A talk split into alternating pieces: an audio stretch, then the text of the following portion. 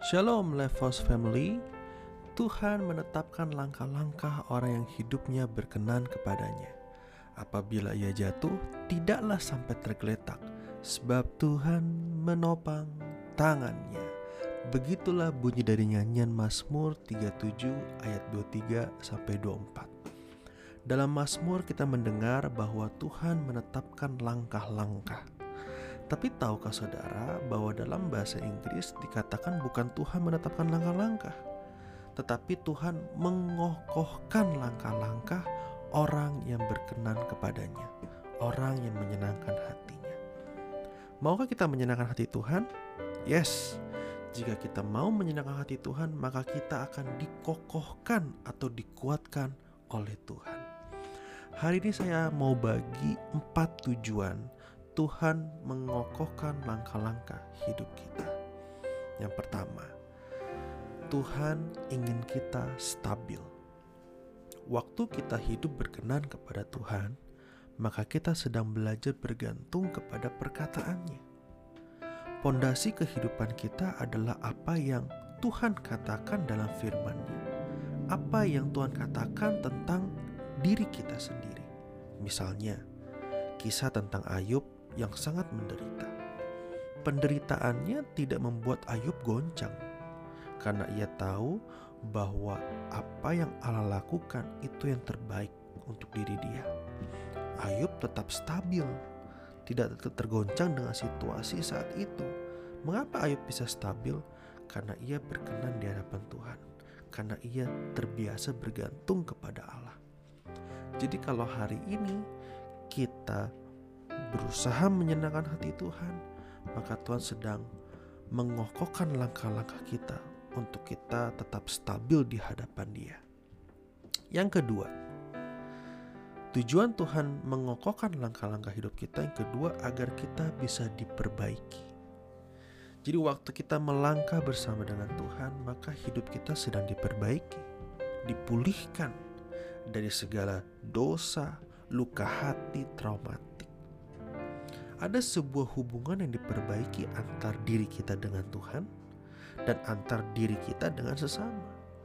Misalnya, orang yang tadinya kecanduan narkoba atau merokok bisa berhenti karena waktu dia berusaha menyenangkan hati Tuhan, Tuhan memperbaiki hidupnya. Misalnya lagi ada seorang yang memiliki akar pahit dengan orang tua atau memiliki akar pahit dengan rekan kerja atau sesamanya itu bisa diperbaiki. Waktu dia berusaha menyenangkan Tuhan Tuhan mengokohkan langkahnya dengan apa? Memperbaiki hatinya. Ketika seorang menaruh dendam itu akan diperbaiki dipulihkan. Sehingga apa? Hubungan kita dengan Tuhan dipulihkan hubungan kita dengan sesama juga dipulihkan. Oke itu yang kedua agar diperbaiki. Yang ketiga waktu kita menyenangkan Tuhan, Tuhan mengokohkan langkah-langkah hidup kita dengan apa? Dengan mengarahkan langkah-langkah hidup kita. Saudara, Tuhan seperti kompas atau penunjuk arah. Dia akan mengarahkan kita agar kita bisa bertumbuh sesuai panggilan dan rencananya atas hidup kita. Misalnya, Tuhan dapat memberikan visi-visi baru, entah itu bagi pekerjaan, bagi perusahaan, bagi keluarga, bagi kesehatan tubuh kita, bagi keadaan finansial kita. Tuhan bisa mengarahkan agar apa? Agar segala sisi kehidupan kita, entah itu keluarga, gereja, pelayanan, eh, pekerjaan, itu bisa sesuai dengan apa yang Tuhan rencanakan atas hidup kita. Jadi jika saudara atau kita belajar berjalan bersama dengan Tuhan, Tuhan akan mengarahkan langkah-langkah jadi jangan takut. Yang keempat, waktu kita menyenangkan Tuhan, Tuhan akan mengokohkan langkah-langkah kita. Apa yang dikokohkan? Tuhan itu mempersiapkan hidup kita. Kita sedang dipersiapkan Tuhan untuk menjadi alatnya. Hidup kita yang menyenangkan Tuhan, hidup kita yang berkenan, itu jadi alat Tuhan untuk menolong orang-orang yang mungkin sedang dalam berkebutuhan entah itu secara finansial, entah itu secara mental dan lain sebagainya.